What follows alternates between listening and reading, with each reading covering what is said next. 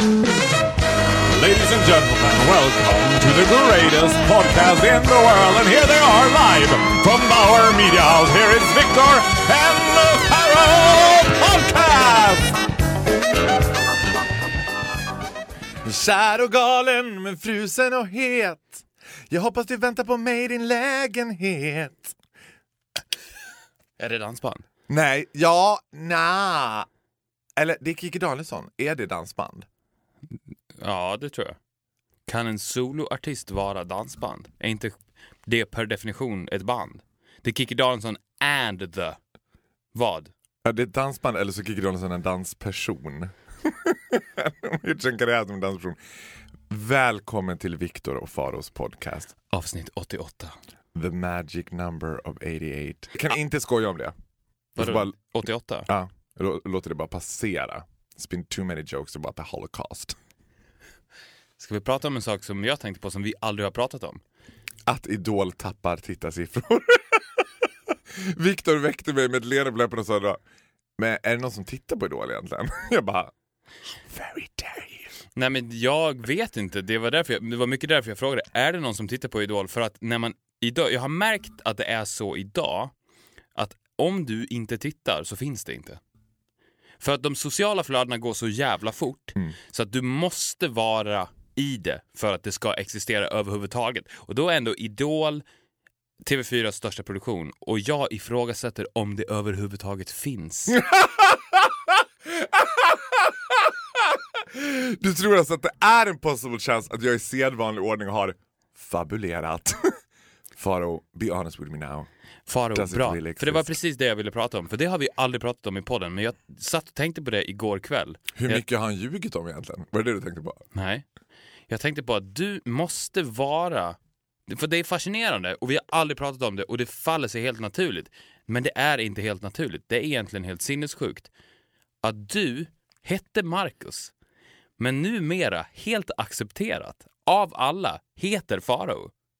Det har vi aldrig pratat Are om. we running out of subject när vi tar upp mitt namnbyte? I rather not talk about it. Sometimes Jag you don't see the forest because of the trees. Sometimes you don't see Marcus because of Pharaoh. jag vill inte prata om mitt namnbyte. Det är väldigt känsligt för mig. ja men visst, jag vill. Ingenting är känsligt för dig. Jag, Sant.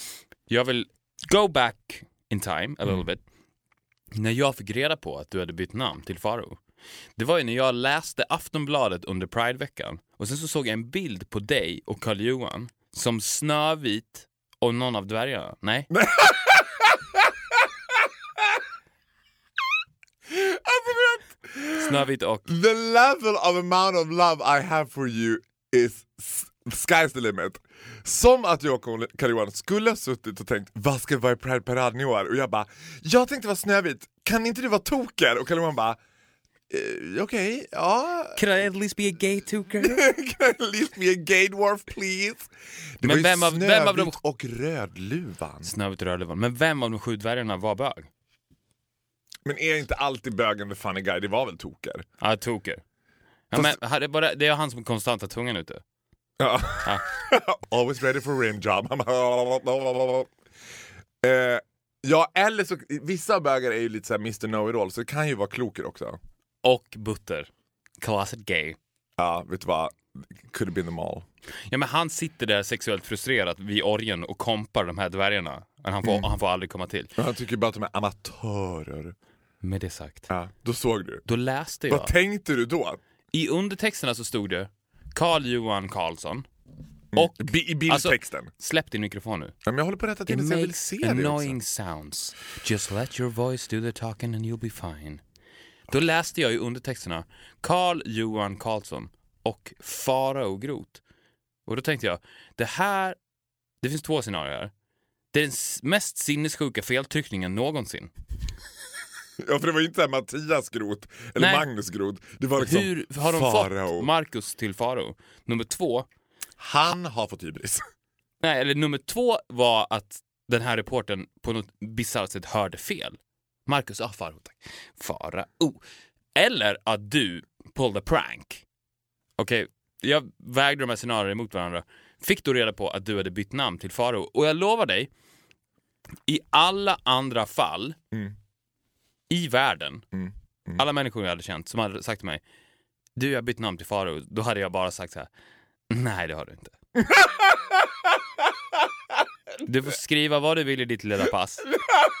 But I will never ever call you Pharaoh, that's for sure. Ja. Men med dig så var det bara, make sense, okej. Du får det. Du heter Farao nu. Och jag tänk, tänkte på det för det är väldigt starkt. Man kan ju... Sluta med Förlåt, din mikrofon. Men sluta uppfostra mig idag. Jag känner mig... Man kan väldigt lätt bagatellisera ett namn. Mm. Men vad du egentligen gör då, det var ju en väldigt, väldigt stor, farlig utåkning på stormigt hav. För att du hade ju redan etablerat en person. Du hade ju jobbat konstant sedan du var 12 år gammal med att etablera den här karaktären Marcus Groth. Ja. För jag tänkte på det att det finns ju två personer. Det finns ju Marcus och Faro. Marcus, long gone dead, love that guy. Men vad du valde du var vet- kasta allt, kasta allt och bli Faro. Mm. Och börja om på nytt. Och det lyckades. Alltså förlåt, jag älskar dig så mycket men du har ju också tendensen att berätta min historia. Oftast rätt, ibland lite som att jag bara oh, that, that is a good story. Det var ju, det var ju också, det här namnbytet var ju extremt bagatelliserat. Men hur kom det Det finns ju inte liksom, nu fan, hittar du en andlig mening till det där jag bara, efter åtta år i Tibet så förstod jag vem jag var. Och jag hittade mig själv i egyptisk mytologi och beslöt mig då att ta namnet. Nej, alltså vet du vad, det var verkligen... Inte bara namnet, personan. Nej men det är inte en persona, det är inte så att jag... Exit Marcus, enter Pharaoh. Men alltså, jag ser inte så. Det var verkligen inte så det var. Men, men det kanske var så utan att jag kände så. Jag ser framför mig hur du hade en, en kväll, en ritual, när du spirituellt dödade Marcus Groth. Och i det här mördandet av karaktären, för det var en karaktär du också, mördandet av karaktären Marcus Groth, ur det föddes en ännu starkare karaktär, Farao Groth. Like a phoenix. Som ett där, I kinderägg. had to kill myself to become stronger. I had to kill myself to become who I always wanted to be. Who I always was. Pharaoh. Ja, jag önskar att jag kunde säga att det var precis så det var. Det var verkligen inte så. Var, men vad var det då? Alltså det kanske var så mer, i så fall andligt att jag inte var medveten om det då. För i min värld, och som det var, alltså det första så här, vadå? Då undrar jag så här, ja men vem är min person då? Om det fanns en karaktär Marcus Groth som blev karaktären Farao Groth. Am I ever myself? Jag, jag, nej, det där är också intressant för att jag tror att du har... Aldrig är mig själv. Nej, jag tror att du har alltid varit farao. Och det är väldigt imponerande av en person att i vuxenliv identifiera det och till och med då byta namn på den här personen. Du bytte om till dig själv. Det var det du gjorde. För att nu när jag tänker tillbaka på dig, när du var Marcus Groth, så tänker inte jag på Marcus Groth. Då tänker jag på Farao Groth. Marcus Groth finns inte. Men när jag verkligen går in i det förflutna placerar mig själv där, då ser ju jag Marcus Groth. Och nästan lite äcklas av honom. Åh herregud, varför då? He was a pretty nice guy. Jag, jag äcklas av honom samtidigt som jag tycker synd om honom för att jag ser ju att inuti Marcus Groth så finns ju en oförlöst farao som var tvungen att vänta. Ja men vänta nu, Stop. hold your horses my beloved BFF. Now you're giving me way too big head. You're making this You're making this a story that it, it wasn't a story at all. Och grejen är så här, ibland när du går all in med dina teorier så tappar du mig på halva vägen och då börjar jag hålla med för att jag orkar inte hålla kvar i alla trådarna. And this is super personal to me because it is about my DNA. Det har ingenting med det att göra. Alltså för mig, jag måste verkligen förtydliga en sak för det här, kommer, det här är ju som att öppna en dammlucka av att folk kommer kommentera det här namnbytet. Som är kanske de mest tröttsamma kommentarerna jag vet är ju Vadå, heter du Faro? Och så förväntas jag dra hela den där historien. Och det är det enda jag kan ångra, kan jag tänka så här. Åh, kunde jag inte bara tagit något vanligt namn? Eller kunde jag inte bara skippat och bytt namn? Var det så jävla viktigt att göra det? Det var inte viktigt att göra det. det var så här, jag stod literally på jobbet, hade lite tråkigt. Jag och Carl Johan hade skojat om så här, du borde byta namn, du borde heta något roligare än Marcus. Och jag ville byta namn till Isidor. Men så var det tvåstavigt så att det skulle bli Isse och jag hatar nicknames. Alltså alla typer av liksom smeknamn. Det, det är bra med Faro för att det är svårt att smeknamna det. Farre kommer folk att försöka med men det hatar jag. Alltså det Mr Fair. Mr Fair. Eller Oscar i Idol som kallar mig Frau. Det blir ju Farao, det blir ju Frau, my Frau. Jag bara, "Ah, I'm glad that you call me my Frau. Äh, men, och sen så hade jag en häst när jag var liten som hette Farao och så tänkte jag, ja men det där funkar bra. Det, det är mörkt, det är kort, det är uppenbarligen bytt också. För jag tänkte att det är sjukare att byta namn till Fredrik och folk bara, men du vet att han inte heter Fredrik egentligen? Han heter Marcus. That is crazy people som gör det. Jag tänker att Farao är så uppenbart ett bytt namn. När man ser det i pass och när man ser det liksom i skriven text så fattar man, han har nog inte alltid hetat det. Vadå, vad skulle mina föräldrar bara, should we go for Judas or should we go for Pharaoh? I mean I really want to piss him off, let's go for Pharaoh. What about Jesus? What about Jesus? Det kanske det jag skulle ha bytt till. Men du får, det var det, får du byta igen? Man får byta åtta gånger per år. Oj, Vilket också kan- stimulerar ju Sveriges bipolära. bara, vi rekommenderar att du inte byter namn mer än åtta gånger per år. Jag bara, och, och det var också lite det det var, för jag hade någon sorts, alltså det här var ju, eh, vad blir det nu, är jag 31, då blir det alltså 12 år sedan jag bytte namn. Och då var ju mycket mer sådär, liksom fierce and fabulous and rebellious. Och då trodde jag nog att det här skulle vara en ganska lång process så att jag skulle kunna backa ur under tiden. Jag hade fått en så här handledare på Socialstyrelsen som skulle säga Men Farao, har du verkligen tänkt över det namnet? Du vet? Men man ringer och bara hej jag skulle byta namn. De bara är det förnamn eller efternamn du vill byta? Jag bara det är förnamn.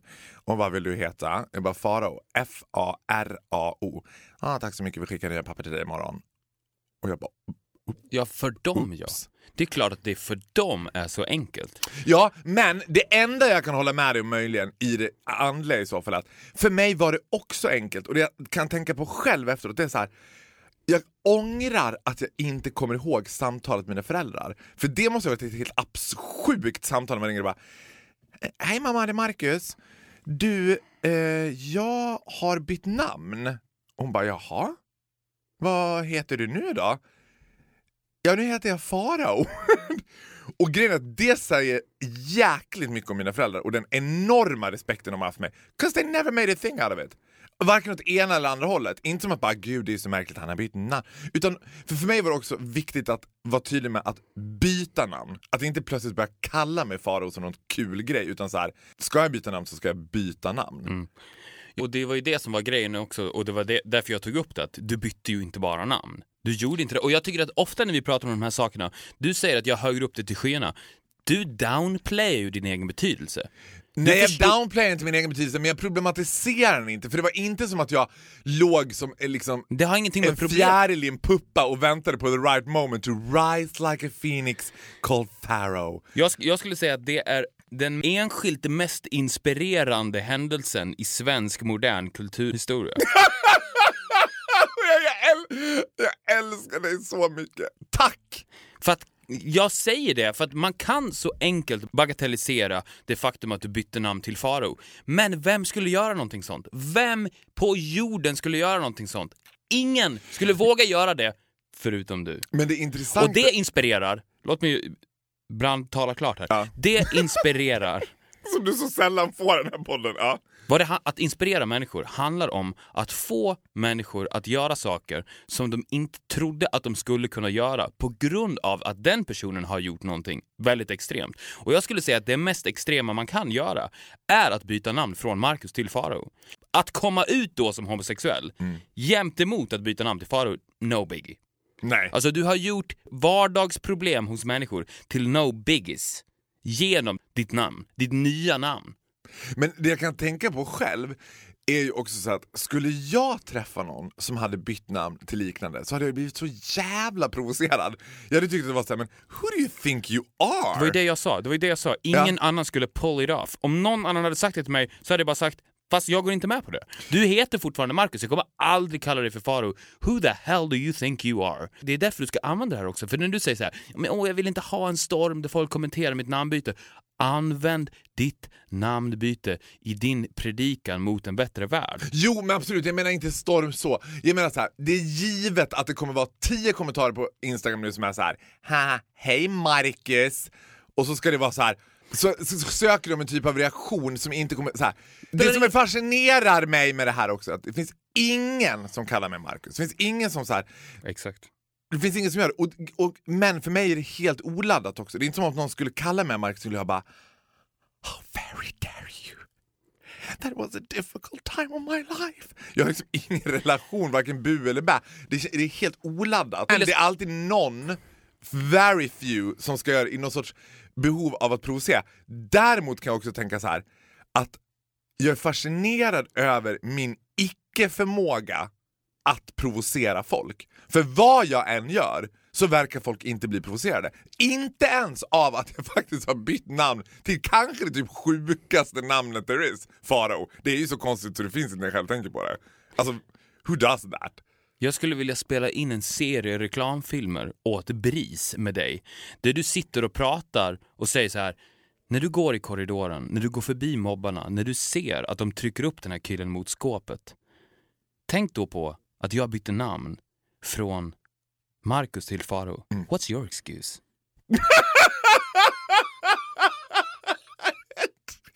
What's your excuse for not doing anything? Och du skulle kunna göra en hel serie om det. Det behöver inte bara vara mobbade barn. Det kan vara, du vet när du ser den där killen som du aldrig vågar gå fram till på jobbet varje morgon. Du passerar honom varje morgon. Jag bytte namn från Marcus till Faro. What's your excuse for not talking to him? Och jag tror att de här filmerna skulle go viral like shit. Jag tror att de skulle, ins- jag tror att de skulle inspirera så många människor. Ja, men ja, jag har inte tänkt på det så. Alltså jag vill så här, jag Kan inte du ge ett exempel också? Se om du har det i dig. Men inte, inte now on the spot. Du gav ju två fantastiska exempel. Ta ett till.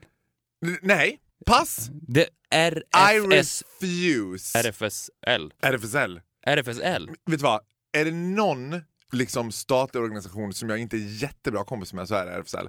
So I rather not say anything about RFSL. De gillar inte mig, jag är inte jätteförtjust i dem heller. We had a previous past that was a bit nasty to be honest. Why? I don't kiss and tell. I like nastiness. You like nastiness? I'm a big fan of nastiness. Eh, nej men jag kan inte säga det. Varför inte då? Vad är det? Nej men, nej, men gud. Jag, men den jag, här kan, nya grejen att du inte kan... Jag vill inte prata om det. Jag kan inte säga det. Nej, tyvärr. Jag vill inte kommentera jag det. umgås för mycket med idolerna som lär mig att man inte ska säga någonting Du har blivit så mediatränad och polerad av den här idolen. Det har jag väl inte alls blivit. På tal om det, alltså Okej, jag ska berätta vad det var med RFSL. Jag jobbade för en organisation som heter ECPAT som står för Anti-Child Pornography, Children Prostitution and Trafficking Within Children Purposes. Alltså på svenska sexuell, eh, kommersiell sexuell exploatering av barn. Och då hade jag en idé om att vi skulle jobba på Pride också med den här organisationen. Så det finns väldigt. Förtydliga bara, det här var så... Du var emot det då? Då var jag emot det, ja. Det är klart att jag är emot det. det. Och jag jobbade mest med trafficking. Alltså med kommersiell sexhandel av barn. Nu pratar vi barn, inte unga vuxna utan barn. Och då hade jag en idé om att vi skulle vara med på Pride eftersom många organisationer är representerade under Pride. Och det är oftast ett argument som används mot homosexuella, att man likställer homosexualitet med pedofili. Att det finns den eh, liksom Att det är en fine line? Ja, att det är en väldigt fine line och det finns någon sorts frieri kring det där. Liksom. Och då visade det sig att eh, så sent som på sent 90-tal så var RFSL Stockholm care of pedofila arbetsgruppen. Och pedofila arbetsgruppen är den enda organiserade, och grejen är så här, här är det som att man måste väga sina ord på silvervåg. För det, finns det en organisation som bygger sin existens på att vara kränkta så är det RFSL. De har ju rasat mot ECPAT så länge jag kan minnas, alltså så länge jag var med i den organisationen. Eh, och då förvånades jag över att man så, så sent som på 90-talet var eh, care of en grupp vars primära uppgift var att skapa ett pedofilt nätverk. Och att det här inte uppmärksammades. Och det här var ju också i vågen av att homosexualitet och homofoben hierarkiskt bytte plats. Så jag vet att jag gjorde, jobbade på SVT då och eh, delade skrivbord med Janne Josefsson. Och han som gör Uppdrag granskning. Och då frågade han varför gör man inte ett program om det här? Det här är ju så spännande. Och han här, men för det går inte att kritiskt granska gayvärlden för då, det är som att shop your hat off. Man vill inte veta att Celine Dion knarkar, man vill inte veta att drottning Silvia också är otrogen mot kungen, du vet. Och man vill inte veta att bögarna nasty pedophiles all of them. Nej, jag ska bara Du skulle kunna göra det. Du skulle Nej, kunna... ja, nej, men vet du vad? Alltså, jag älskar dig och liksom i, jag ska inte tala ner mig själv, men jag har inte ett lyssnande bland homosexuella. Det är det som är problemet. Du måste ha de homosexuella med dig för det, och det har jag inte. Sen får du säga vad du vill. Och det här handlar inte om att vara... Jag kan göra det. Du kan säkert göra det, absolut. Du har nog haft lättare att göra än vad jag har, för du har gaysen med dig mer än vad jag har. Gaysen är mer emot mig än de är med mig. Mm. Så att det hade blivit liksom lätt tror jag att man hade trott att det var en personlig revansch. Att det hade varit så här att jag hade suttit och liksom ja men ni har aldrig accepterat mig så ni bara profiler hela bunten. Det hade inte gått. Därför inte RFSL. Ja men jag ska ge er ett exempel på På vad? Ja men jag måste ge er ett exempel på det där. Nu kommer jag inte på något. Det här känns... Du måste inte ge mig ett exempel. Nej. Jag har gett För exempel. du vet vad? Jag behöver inte göra någonting. Man gör precis det man vill. Jag har bytt namn. Ja, men jag är väldigt nöjd med mitt namnbyte. Förutom att varenda gång jag ska boka en taxi eller någonting så är det alltid Sara O som de ska hämta. Det är att de vägrar förstå F-A-R-A-O. Nej, jag ska hämta Sara O. Det en, en sak skulle bara kunna slå ditt namnbyte. Det är att du skulle byta namn igen. Och inte tillbaks då, utan igen. Ja, men why not? Alltså, it's not a... Maila förslag. Ja, men, Så väljer vill, vi ett. Ja, men vet du vad? Jag vill också, jag vill också poängtera så här. Din persona och din identitet sitter inte i ditt namn. Jo. Nej, I mitt fall gör det det, för att jag har valt det själv. Men i andra personers, där de har fått namnet till sig, där någon har valt namnet åt dem, så Ja, sitter fast, du inte... Jo, fast det gör det för att man växer ihop med det och det är därför det är en så, så otroligt stark kraft att lyckas genomföra det. Men jag skulle som du prova besitter. att jag under ett Är jag år... Thomas nu? Om jag, under Jag skulle ett tappa år, allt. Om jag under ett år kallar dig för Simon, tror du att din personlighet skulle transformeras då på något sätt? Att du skulle tappa lite av liksom, Jag tror att jag skulle tappa allt. Skulle vara tillbaka på ruta ett. Men vadå, jag förstår inte varför du inte byter namn till Victorious. Du var ju där och nosade lite på det när Fast du hade din ju- DJ-karriär. Ja, fast om du skulle byta namn till Mr Marcus istället för Marcus. Marcus, uh, it's Mr Marcus please. Mr Marcus Groth. så skulle det inte vara ett namnbyte.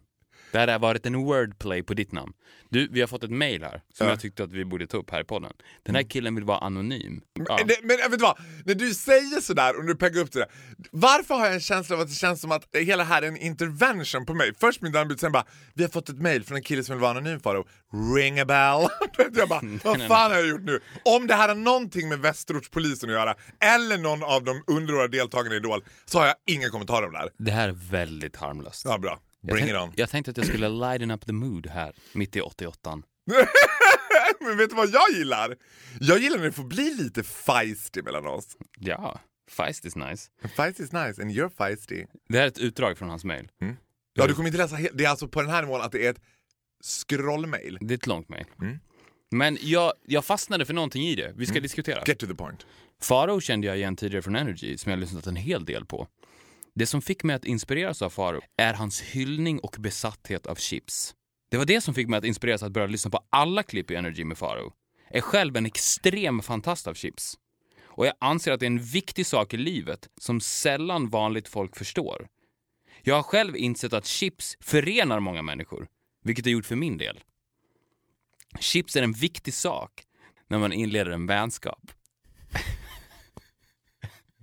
Gemensam hyllning av chips har förenat många människor och skapat mycket glädje. Så till den stora frågan, vad är Viktors åsikt om chips? Jag finner det mycket konstigt att Viktor aldrig sagt sin åsikt om chips i något avsnitt. Jag vill helst vara anonym. Vet du vad jag älskar? Jag älskar den här killen redan. Jag älskar också den här killen väldigt mycket. Det finns någonting fantastiskt med människor som tar den minsta saken i världen och gör den till den mest viktiga saken i världen. För det är precis det livet handlar om också. För att man glömmer alltid det, att det finns inga stora saker. Allting är små saker. Det är egentligen ingen skillnad på ett chips, ett chip och din stora kärlek i livet. För in the big... Säger man ett chip, flera chips? Jag tror att man säger ett chip. Jag tänkte ta ett chip. Kan jag få ett chip? Det är egentligen ingen skillnad på ett chip och din stora kärlek i livet. Eller ett chip och din relation till dina föräldrar. Eller ett chip och din barndom. För att allting in the bigger picture är små ting. Och att då, på det här passionerande sättet, grotta ner sig i och basera sitt liv på chips, som han har gjort, är älskvärt. I agree. Men jag vill också... Men, jag, men vet du vad? Jag tror att den här killen sitter hemma och är lite mer nyfiken på huruvida du gillar grillchips eller sour cream and onion och du bara Det är ingen skillnad på den mikrobiologiska uppväxten i den anatomiska världen och ett... Jag bara jag tror han bara vill veta om du gillar OLV eller Stella. Men, men du förstår vad jag säger när jag säger att det här har, på samma sätt som med ditt namnbyte att göra, att det är så lätt att bagatelliserar de små tingen i vår värld. Men när man tar ett kliv bakåt så ser man ju att i universum, i kosmos, så är det ingen skillnad på ett chips och din barndom. Att vi skulle sitta här, och, och det har vi, vi har byggt hela vår podd på det, att vi kan sitta och prata i timmar, älta ditt skinn och vara lika djupa som den absolut mest uptight bokklubben i hela Stockholm. So what is your opinion on chips in general? I wanna know. Men jag vill veta vad du jag tycker. vet inte ens vad chips är för någonting. Jag, jag läser ju det här mejlet med glöd. Och jag vet ju att du... Det, ja, men vadå det, chips? Du vet väl vad så här, en, en paket dillchips är för något? det är klart jag vet. Ja, and what is your opinion on that? Det smakar bra. Men jag har ju aldrig uppnått den här nivån som han och du, vad jag har hört och vet Men- och tror. Alltså det här, om jag får citera mejlet igen. Chips är en viktig sak när man inleder en vänskap. Gemensam hyllning av chips har förenat många människor och skapat mycket glädje. Det, jag, har aldrig, jag har aldrig varit i närheten av den här chips-communityn som han pratar om, and I want in. Stay away from Weight Watchers, that's all you need to do and then you're in. The whole of Sweden loves chips. Alltså, så här, vänta. Då, nu, nu ska jag säga vad som kom ut, ur, ut från mig i det där också. För det första, ett hands down, I love it. Jag håller med honom i mycket. Och det ändrar ju också min bild av folk. Om jag alltså, gillar de chips, I love them. Men sen har jag ett jättestort problem. I am an extreme happy-go-lucky person. I'm super happy-go-lucky. Och jag blir stressad, frustrerad och irriterad när folk försöker problematisera den här happy-go-lucky som att Ah, the love for chips is egentligen en metafor för bla bla bla. Eller ditt namnbyte handlar om bla bla bla. Jag bara, I just changed my name and I happen to like a little bit of sour cream and onion every now and then and I have a glass of wine when I'm in the mood. Men to defend Mr Anonymous here. ja, men Mr så- Anonymous må ha en lätt Han är neurotisk- bara intresserad av chips. Han ser inte, aha, det här är på något sätt en metafor för Faraos besatthet av, Ja, vad men vet du jag. problematiserar ju den där kärleken han har chips. Du tänker inte Nej, att det här är en person som... tvärtom. Tvärtom. Nej, men- Jag vill veta. Ja men problematisera så tillvida att du hittar en mening till det som jag inte riktigt tror där. I think he just likes chips. Alltså jag tror inte att det är så här. jag tror inte att det finns en, en jag tror inte alltid, jag tror på det du säger att så här. de stora valen som man gör i livet är i simplicity och i det enkla, i det pyttelilla. Ska jag ta ostkrok eller chips? Det är de valen som, som förändrar livet. Det är inte de här, nu står jag inför gymnasievalet eller ska jag gifta mig med henne eller ska vi skaffa barn nu? Det that doesn't make any liksom, difference. Det är inte det som kommer att förändra ditt liv så mycket som du tror, utan det ligger i de här vanliga grejerna som du inte tänker på att du väljer. Men jag tror att om man älskar chips så älskar man chips. Det finns ingen liksom det finns inget an, ytterligare rum av kärleken till chips. Men det som är intressant är att kunna vara en sån person, för att när jag läser det här mejlet så ser ju jag rå lycka. Det är det jag ser. Jag tror inte också att det handlar väldigt mycket om så här, att det, det han gillar hos mig och det jag tror många gillar hos mig är att det finns en vad säger man, contradictive, alltså att det är motsägelsefullt. Att det finns en, en vision om en så här glammig bög som dricker champagne och liksom åker limousin och, och det är så här, om, du vet, En bra grej det är när jag ser så här, när någon ska illustrera mig. Och I have my favorite på Idol, which is no secret, Oscar.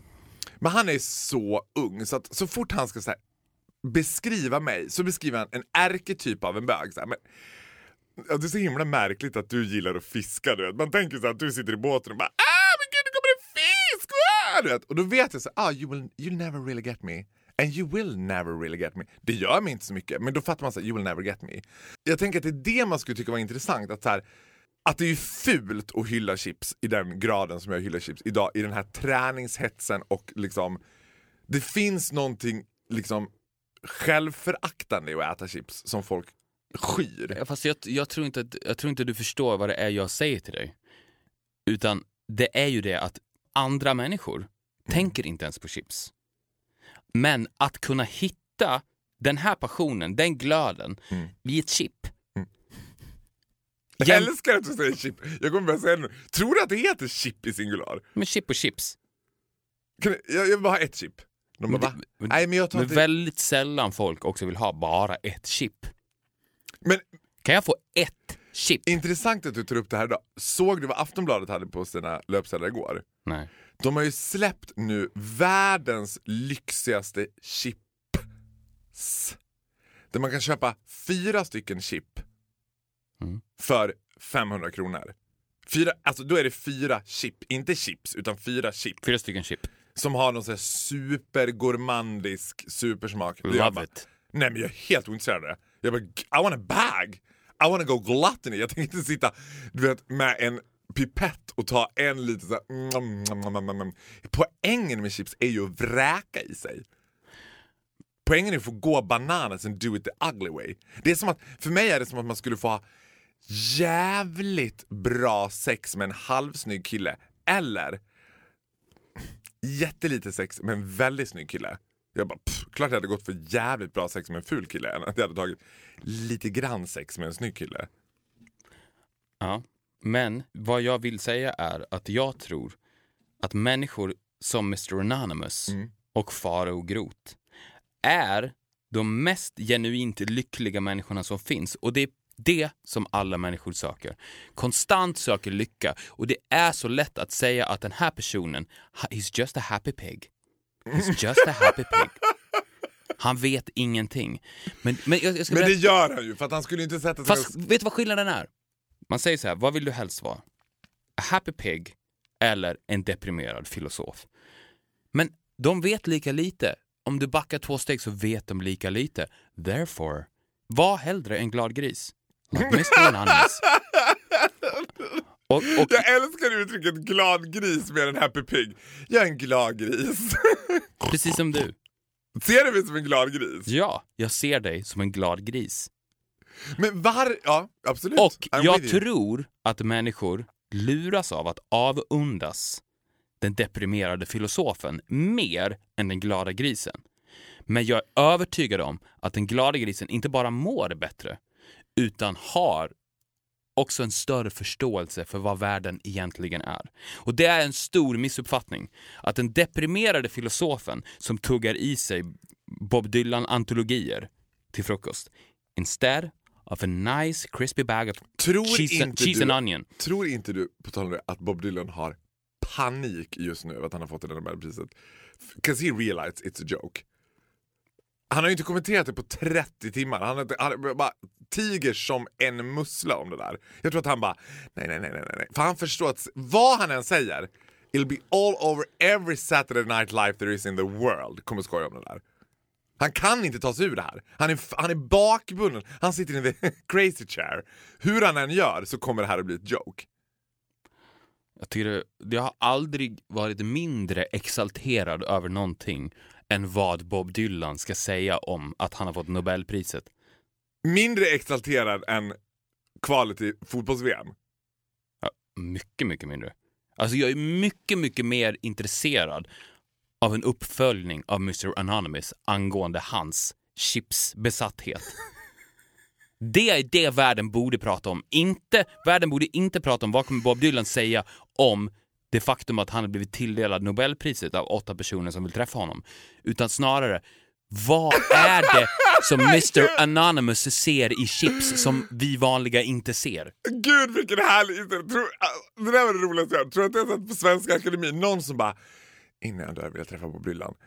Ah, Jag tänker... Vad tror Bob, du? Bob Dylan? Om, om, du, om du chefade över ett prestigefullt pris så skulle du såklart ge det straight away to Celine Dion. And the winner this year is Celine Dion. And the winner this year is Dolly Parton. And the winner this year is Mr. Twinkalicious. Mr Twinkle, Mr, Do- Mr Dolphin. Ja, men det känns som att eh, du kanske förstår vad jag menar. Jag tror att jag förstår vad du menar, men jag tror att du och Mr Anonymous kommer ha mycket mer gemensamt in, i den här in the glorious world of chips and what it really is. Jag tror han kan enlight you, invite you och kommer få mer ut av det än vad jag får. Men jag tror inte att det är, det, det är också viktigt att säga, det är ju inte chippet per se. Det är inte det som är det viktiga i det här mejlet. Det fattar jag också. förstår du det? Ja, vad skönt. Var det lite speedigt eller menar du det? Alltså, du bara, ah, det fattar du! Kul! Now we're talking! Du Det- men det- måste sluta umgås med 16-åringar. Why? Cause you need to Nej, get men vet back on my? Ett, level. jag umgås inte med 16-åringar. När umgås jag, med? jag umgås med 16 en gång i veckan. Sippi, nu tar vi den här boken. Nu är jag trött på det där. Ah, Ska jag välja? Ja, jag valde sist. Du ska inte välja. Nu ska jag förtydliga. Vi väljer inte, vi bara randomly tar någonting. Ur boken Vad är sex och hundra andra saker om sex. Okej då. Jag börjar tröttna på den här boken. Ska vi byta bok snart? Ska vi köra det här två veckor till, sen får du fan Max. nog. Du, Ja. du tyckte den där frågan var halvkul. Ja. Men vi ställer väl den? Vi är tvungna. Det är ödets ironi. Finns det yrken som är sexigare än andra? Har inte vi Nej. dessutom redan pratat vi? om det? Det tror jag inte. Det är klart att det finns yrken som är sexigare än andra. Och jag sa nej. And there's your answers. Ja. Yes and no. We just leave it at that. Jag har haft den mest traumatized natten jag haft i mitt liv. Ja, vi lämnade det på riktigt. Ja, men vadå? Vi sa ju det. Yes and no. Ja. Okej. Finns det yrken som är sexiga? Du sa nej, jag sa ja. Punkt. Vi behöver Och inte... det säger, så här, utan att säga någonting mer, så säger det väldigt mycket om mig och det säger väldigt mycket om dig. Mm. Leave it at that. ja, det gör det faktiskt. Jag har haft the most traumatized natten i mitt liv. Eller på länge åtminstone. Alltså två gånger på rad drömde jag vansinniga mardrömmar. Alltså på ett sätt så att jag så här. Alltså du vet den här känslan, den kan alla känna igen sig när man ligger i sömnen och ska skrika och man bara... Du vet, jag tror att jag låg och kämpade en kvart innan jag fick fram ett så här... Du vet, och satt mig på sängen Och jag bara, jag är 31 år, sitter kallsvettig ensam i min lägenhet i Traneberg och är panikslagen. Alltså det var typ det otäckaste jag varit med om. Men det konstiga var att jag drömde att en av mina bögkompisar hade legat med en av mina straighta killkompisar. Det var mardrömmen! Och jag var ändå, jag var ändå liksom traumatized. Så mycket så att jag håller den där bögen på liksom jag håller honom kort nu, för jag tror att någonting har hänt. Jag tror också att jag är synsk, så jag tänker så här, vad vill den här drömmen säga mig? Han har någonting up his sleeve. And I, du vet, I might not trust women, but I really do not trust the faggots. Alltså they're the one I trust the least. Och jag bara, han kommer aldrig säga till mig och jag stressas nu över hur fan ska jag få honom att säga, någonting har hänt. 'Cause I know that. För jag är, alltså, jag har ju the power of Christ. Han kommer inte säga vad det är, men jag vet att den här drömmen försöker säga mig någonting. Det som är intressant med det där, Mm. för att det som händer i en dröm är ganska svårt tycker jag att prata om eftersom det är det finns inget tydligare unknown in this universe än vad som händer i en dröm. Det går inte att förklara. Så att, att raljera kring det kan bara bli pladdrigt. Men det som är intressant med drömmar, som du tar upp, Mm. är att när man drömmer, när man de facto drömmer om andra människor, Mm. existerande människor i din närhet, Mm. så ändras ju din uppfattning om den personen Ja. till det positiva eller till det negativa. Och det Och, värsta... och det gör de ju på riktigt. Ja. De ändras på riktigt. Ja. Det kan gå ifrån hat till kärlek, från kärlek till hat och du har ingen kontroll över det.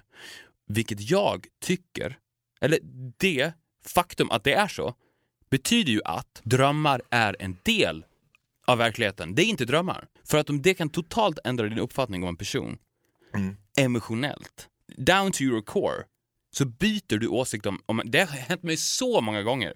Bara, ah, I love her now. Bara på grund av en dröm.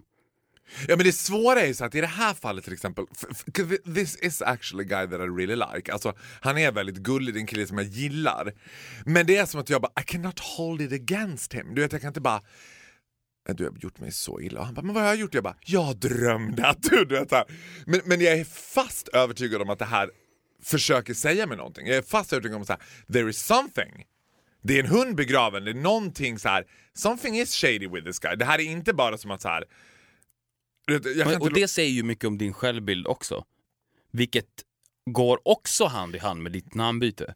Om jag var en farao Mm. och drömde om den här killen så skulle jag också inte avfärda det som bara en dröm.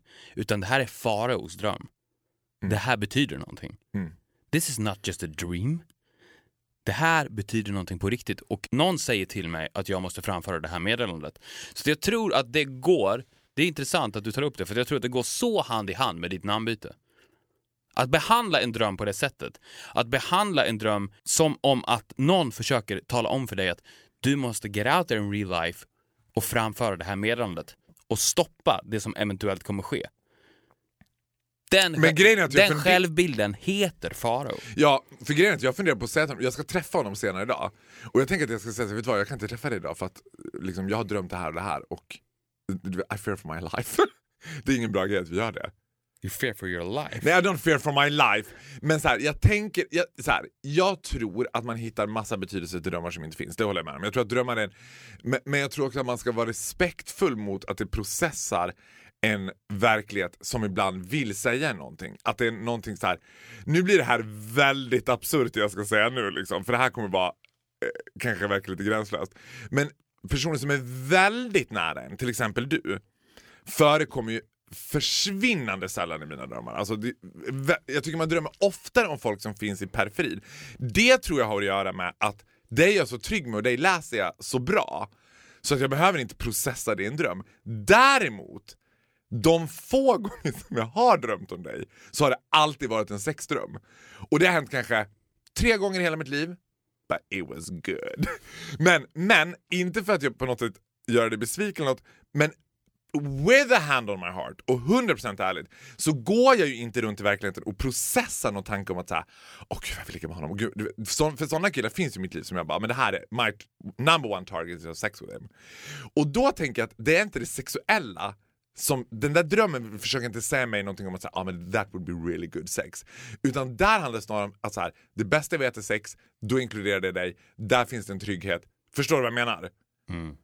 På samma sätt som att med den här killen, du vet, det är så många aspekter att jag vaknade av att jag själv låg och skrek av att han hade legat med någon av mina... Jag bara, jag tror att det här försöker säga mig någonting om att så här, han är oärlig, han är shady, han försöker ta sig in, han försöker splittra någonting så här. There's something that ain't not right about this. Och jag måste ta reda på vad det här är. Jag tycker du ska ta Ja. reda på vad det är. Men får jag fråga en sak? Får jag fråga en sak? Vad gör man då? För jag litar ju mer på mig själv än på honom. Så att när jag kommer försöka ta reda på det här och han kommer säga nej, nej men gud, nej men jag åkte hem och sov och jag, nej nej. Jag kommer inte tro på det. Jag kommer bara and now you're lying again. You filthy motherfucker. Jag kommer, vad han än säger kommer jag inte tro på det. Men Det är bara att trycka upp honom mot, mot väggen. Så säger du så här. I changed my name from Marcus to Pharaoh. What's your excuse? What's your excuse? What's your excuse, bitch? I changed my name from Marcus to Pharaoh. What's your excuse? Bitch. Då kommer han erkänna. Ja, Alltså i ett good cup, bad cup scenario ja. så är ju alltså det Vad sista... fan kan man sätta emot det? Ja men det är precis, det är det sista verktyget the bad cup tar ut ur sin lilla verktygslåda Mm. och trycker upp den här personen mot väggen för att forcera fram erkännandet. I changed my name from Marcus to Pharaoh. What the fuck is your excuse man? Tror du att det kommer existera i någon amerikansk actionfilm inom de senaste eh, kommande 15 åren? Att det kommer vara en scen när, eller en kriminalfilm typ, där polisen sitter med, CSI New York ja, kanske? där de tror är förbrytaren och de bara Is it time for the secret weapon? Oh, no, be careful, don't, okay, okay, we're there now. Och de går in och bara smäller grejerna i bordet och bara I changed my name to Pharaoh. What the fuck is your excuse? I killed her! I killed her! Now we're talking. Ja, jag vill se det. It would work! Jag vill också se det in, att, att det bara slängs in. Alltså det, det är helt okommenterat. Det är aldrig tidigare i avsnittet eller serien eller säsongen tagits upp på något sätt att det är en deal att du har bytt namn från Marcus till Faro. Karaktären heter Faro, men det är där man får se det. Ja, bara det. Bara För det är alltså, så det ska behandlas. Det, och det, kan ju bli den här polisseriens eh, catchphrase också. Att det, och det är verkligen ett secret weapon också. Du får inte överanvända det. Nej. Utan att det byggs verkligen, det händer kanske en gång per säsong och då byggs det verkligen upp. Men tänker inte du också att här, för mig så tänker jag att det är Farao i sig mer än namnbytet som är det essentiella. Ja. För skulle jag börja byta namn igen bara Nej, för så här, nej, men om du I can. Om du bara hade sagt så här: I changed my name. What the fuck is your excuse? Det hade ju inte funkat. Nej men jag menar nu också i verkligheten, om jag skulle byta namn igen, då skulle det bara bli märkligt. Eller så här, då, då skulle man ju ta det lite oseriöst som att säga jaha, eller? Det beror, det beror ju på, alltså du måste ju up the ante i så fall. Då måste du ju slå Farao. Det är ju det som är grejen. Ja men det är, är svårt att komma på. Sauron. Sauroman. Gandalf Groth hade varit ganska kul men det hade blivit lite mer tokroligt. Det hade haft en lite mer tokrolig touch to it. Faro Groth är ju också för övrigt ett jävligt bra namn. Christian Dior. Groth. Nej, jag har döpt om mig nu till Christian Dior Groth. Men hade inte de älskat dig på jobbet? Nej, jag Hade tror... de inte det? Nej, men det finns några... Bauer det finns... Media Group Groth. Bauer Media Group Groth. Alltså det finns ju några eh, i branschen som döper sina barn till kända Christian. varumärken. Ja. Ja, men så här, någon som heter Chanel och någon som heter Dior och någon som heter, inte vet jag, Niv- Nivea. det här är min son Nivea. Eh, och det är ju mest lite märkligt. Jag tänker att det inte heller hade passat, för det, en sak som var viktigt för mig med Faro var att det inte skulle vara för, för förknippat med en person. Nu är ju det folks tro, men den personen hette ju Tutankhamon, han hette inte Faro. Faro är ing, egentligen inte ett namn. Du är ju nu också mer känd än Än Tutankhamon. Tutankhamon. Ja. Ja. And I am officially the only Pharaoh. Let's leave it at that. Let's leave it at that. Tack för idag. Ja, tack för att ni har lyssnat. Och vi uppskattar verkligen mail. Super, jag tyckte det var Det jättehärligt. tycker jag också. Speciellt den här typen av mail. Där ni sätter våra hjärnor i spinn. Framförallt min. Ja, framförallt din. Du satte bara det som ett stort frågetecken. Nej, det, Men jag tror att det är för att du är the lucky one. Du är den glada grisen. ja, vet vad? I might be a happy pig and I'm proud of it. I love every single second of it. Tack för att ni har lyssnat på Viktor och Faros podcast. Vi hörs! Hej då! Thank